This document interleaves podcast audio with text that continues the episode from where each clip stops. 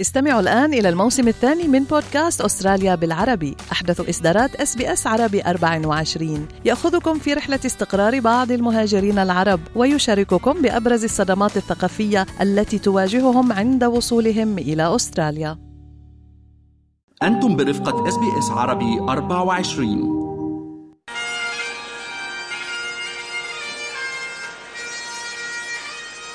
بعد أربعين عاما على أربعاء الرماد لا تزال العائلات والأصدقاء والمجتمعات تستذكر بحزن ذلك اليوم الأليم.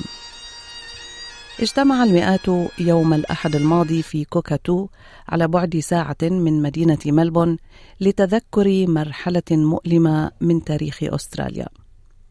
جيسون هيرفنان هو الرئيس التنفيذي لهيئة مكافحة الحرائق في ولاية فيكتوريا.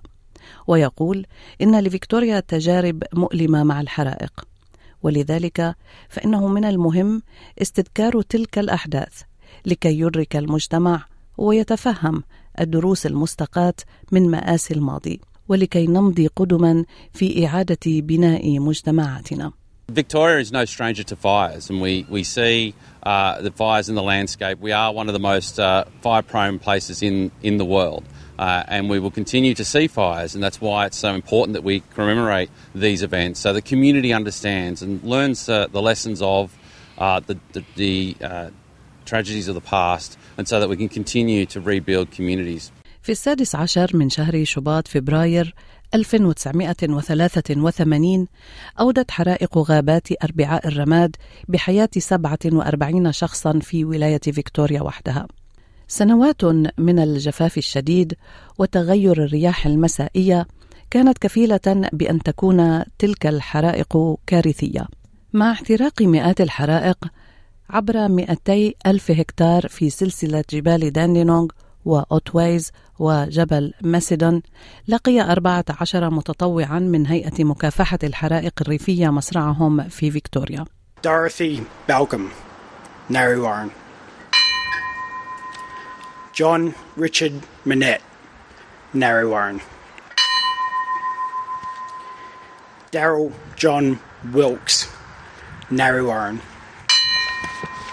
ومن هؤلاء السيد جون مينوت الذي كان قائد فرقة الإطفاء في منطقة ناري وارن ويتذكر ابنه براين ذلك اليوم وقد كان هو في الخامسة من عمره Uh, so as a five-year-old, um, it was been fairly hectic. Um, I remember going to the pool because it was quite hot, um, and Dad was already out. Um, and obviously, as a five-year-old, I didn't know how enormous the, the incident was.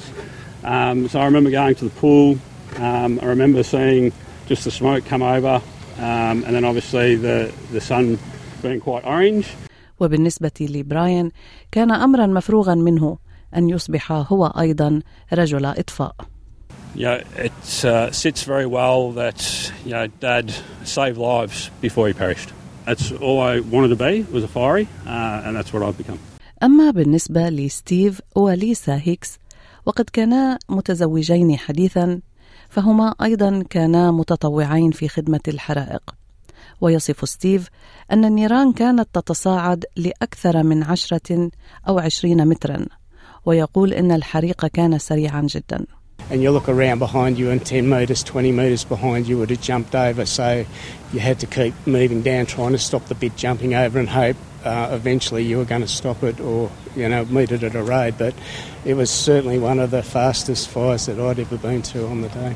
كان ليسا وستيف متطوعين كعناصر في خدمات الإطفاء الريفية كما ذكرنا ولم يريا بعضهما البعض لمدة عشرة أيام وقد مات عدد من زملائهما وتتذكر ليسا فقدان الزملاء خاصة صديقهما داريل Days like today are really hard.